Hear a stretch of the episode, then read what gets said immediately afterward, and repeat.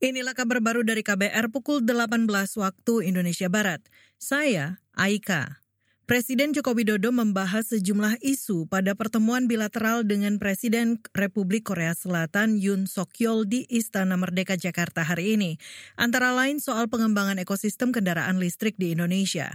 Keterangan itu disampaikan Menteri Luar Negeri Retno Marsudi usai mendampingi Presiden. Menurut Retno, kedua kepala negara optimistis kerjasama investasi di antara mereka akan terus meningkat.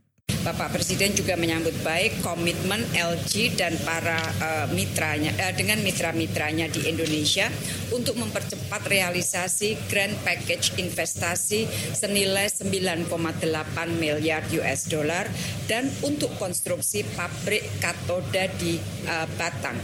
Bapak Presiden mengharapkan agar semuanya dapat dimulai tahun ini yang melibatkan BUMN Indonesia dan pengusaha daerah. Menurut Menteri Luar Negeri Retno Marsudi, Presiden Jokowi juga mendorong peningkatan kerjasama di bidang pertanian dan ekonomi hijau. Presiden berharap produksi pertanian Indonesia dapat memiliki akses yang lebih besar di pasar Korea Selatan. Selain itu, kedua kepala negara juga sepakat mengembangkan infrastruktur transportasi dan kesehatan. Kita beralih. Konferensi tingkat tinggi KTT Pengusaha Islam Dunia atau WIES hari ini membahas empat topik, yakni tentang bisnis, kepemudaan, kepariwisataan, dan perempuan. Hal itu disampaikan Menteri Pariwisata dan Ekonomi Kreatif Sandiaga Uno saat melaporkan pelaksanaan WIES 2023 di Padang, Sumatera Barat hari ini. Karena Sumatera Barat has the largest woman involvement of professional in Indonesia. 60 persen professionals dan UMKM di Sumatera Barat dipimpin oleh perempuan. Dan menurut World Economic Forum, Indonesia memiliki peluang yang baik untuk meningkatkan ranking di dunia dari segi gender empowerment. Menparekraf Sandiaga Uno bertekad menjadikan hasil pembicaraan dan kesepakatan di KTT Pengusaha Islam Dunia untuk memajukan perekonomian nasional. Saudara, KTT Pengusaha Islam Dunia diikuti 25 negara, termasuk Uni Emirat Arab, Maroko, Kazakhstan, Kuwait, Turki, Uzbekistan, dan Spanyol.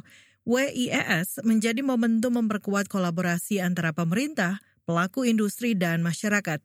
Tujuannya untuk mengembangkan pariwisata halal dan ramah muslim.